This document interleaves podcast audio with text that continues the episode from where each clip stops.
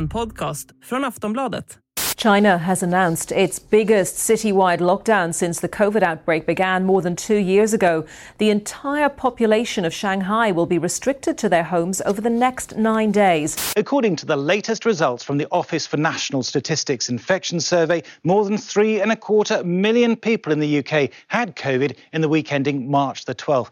That's about one in every 21 people. Omicron subvariant BA2 appears to be fueling new infections in the Western Pacific, African, and European regions. But the WHO says the 11 million new cases are just the tip of the iceberg as fewer people are testing. Vi pratar ju inte så mycket om corona längre och det är ju inte som att man har saknat ämnet direkt. Men nya rubriker har fladdrat förbi senaste tiden om en smittspridning som faktiskt tagit fart igen på många håll i världen, som Kina och flera länder i Europa.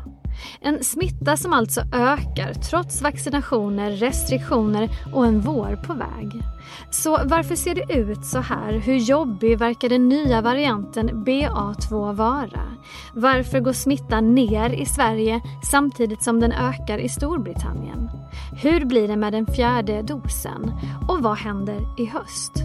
Ja, låt oss prata om corona en gång till helt enkelt. Här i Aftonbladet Daily. Jag heter Olivia Svensson. Gäst i det här avsnittet är Niklas Arnberg som är professor i virologi vid Umeå universitet och ordförande i Pandemifonden.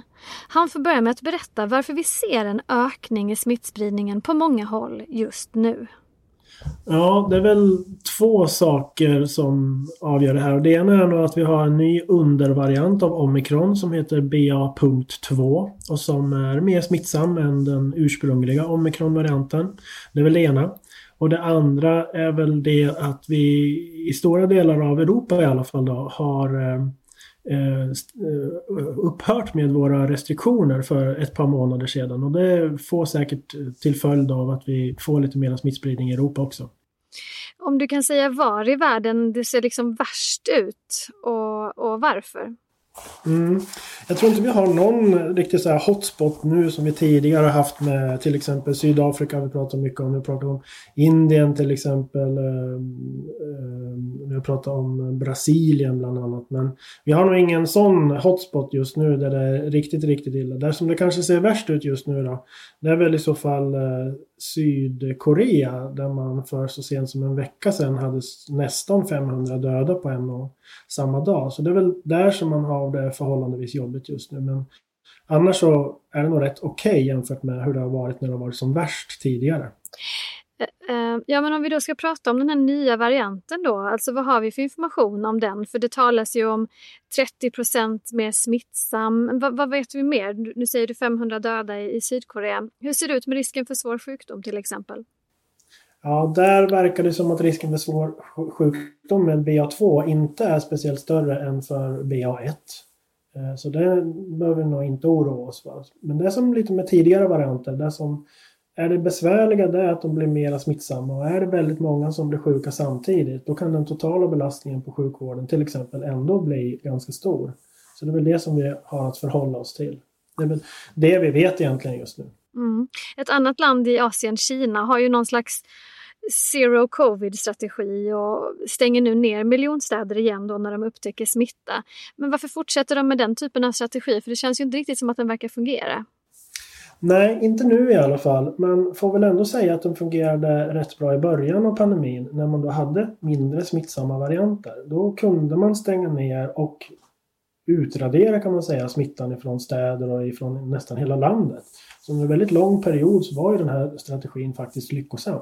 Men nu har vi en mer smittsam variant och då verkar det som att det kanske inte räcker helt och hållet med att stänga ner så som man har gjort förut för att stoppa smittspridningen. Så får vi, vi, får väl se hur det utvecklar sig och om man kommer hålla fast vid den här strategin. Den här nya varianten då, BA2, var, den, var det ett förväntat fynd skulle du säga?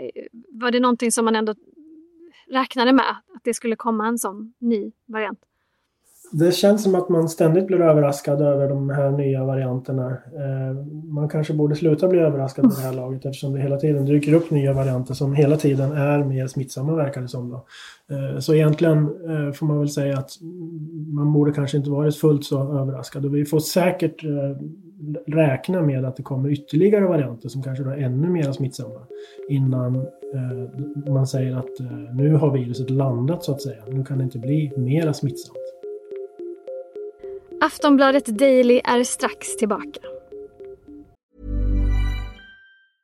Cool fact a crocodile can't stick out its tongue. Also, you can get health insurance for a month or just under a year in some states. United Healthcare short term insurance plans, underwritten by Golden Rule Insurance Company, offer flexible, budget friendly coverage for you. Learn more at uh1.com.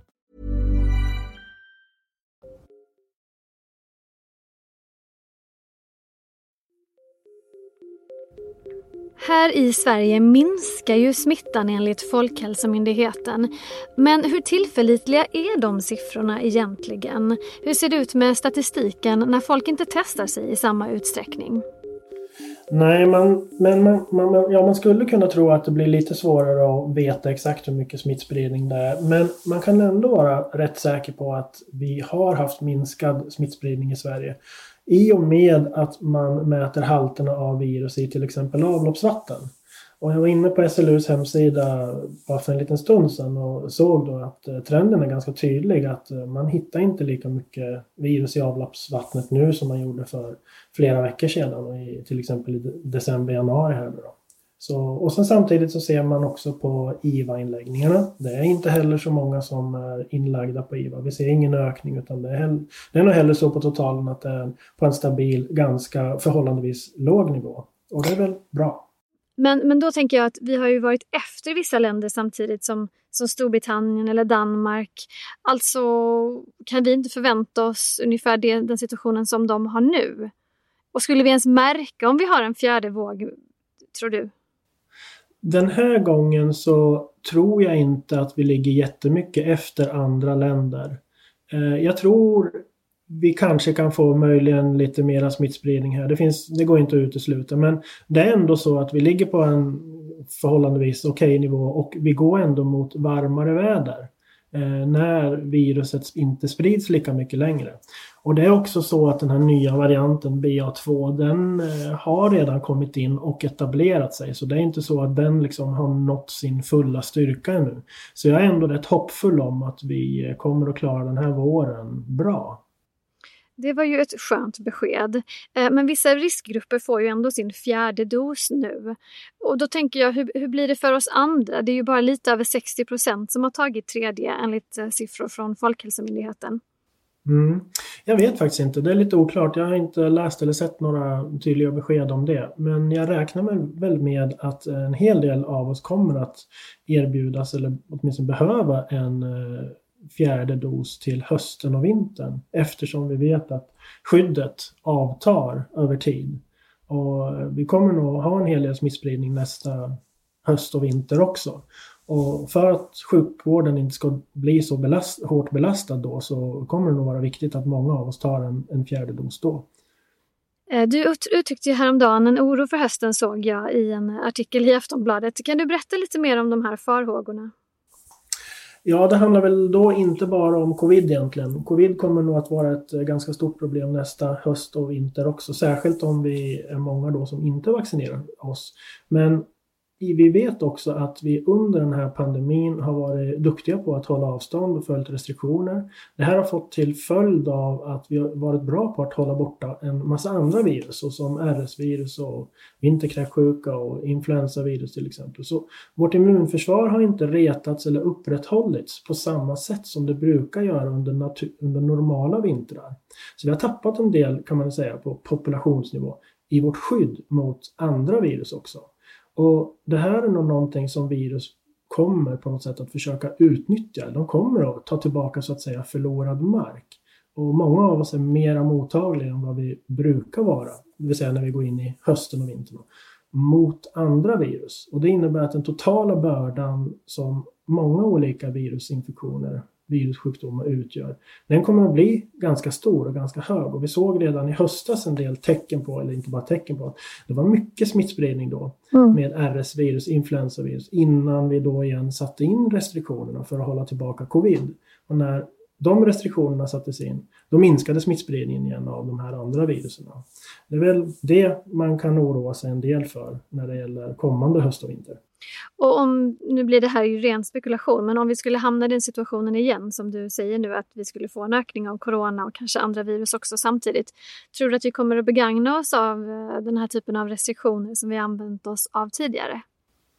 Jag tror inte det eh, och jag hoppas inte det. Jag hoppas hoppas och tror att vi är så många som kommer att vara vaccinerade och har genomgått infektionen så att vi ändå på totalen har ett gott skydd mot svår sjukdom. Och är det då många som eh, inte blir sjuka i, svårt sjuka i covid och sjukvården inte blir så hårt belastad så kommer vi inte att behöva mm, ta in restriktioner på samma sätt som vi har gjort tidigare under pandemin. Men det här med att det bara är lite över 60 procent som har tagit den tredje dosen och det kan man kanske man kan väl läsa in olika saker i det, att många hade corona precis när de skulle ta den eller att man kanske bara har ett lite sviktande intresse för att man märker att det inte finns så mycket corona i samhället. Eh, kan inte det vara ett orosmoment då att det faktiskt finns ganska många som inte har tagit sin tredje dos? Jo, så kan det vara och det viktigaste kommer nog vara när vi går in i hösten och vintern att så många som möjligt, särskilt äldre, särskilt riskgrupper, då, de som riskerar att bli svårt sjuka, har, tagit, eh, har då en hyfsat aktuell senare dos. Om det då är en tredje dos eller en fjärde dos måste inte vara jätteviktigt. Men bara man har tagit en dos, säg vad kan det vara, eh, oktober, november, december, däromkring. Eh, det kommer vara viktigt tror jag nu från och med den 1 april 2022 så kommer ju covid-19 inte längre att klassas som en allmänfarlig och samhällsfarlig sjukdom. Det är ju ändå ett, eh, vad ska man säga, en milstolpe. Hur tycker du att vi ska se på corona framöver? Ja, så länge vi har kvar den klassificeringen så tycker jag inte att vi behöver känna den oron som vi har känt tidigare under pandemin. Och det här har ju ganska mycket att göra med att vi har mycket mer kunskap. Vi har skalat upp testkapacitet till exempel. Vi har möjlighet att smittspåra. Vi har framförallt vaccinerna som skyddar oss mot svår sjukdom och död. Och allt det här är ju väldigt positivt. Så jag hoppas väl bara att vi ska lära oss av det som vi nu har gått igenom och göra det som måste göras så att vi klarar av nästa pandemi mycket bättre än vad vi klarat av den här. Sist här hörde vi Niklas Arnberg, professor i virologi vid Umeå universitet. Jag heter Olivia Svensson och det här var ett avsnitt av Aftonbladet Daily, Sveriges största nyhetspodd. Tack för att du har lyssnat idag. Hej då! Du har lyssnat på en podcast från Aftonbladet. Ansvarig utgivare är Lena K Samuelsson.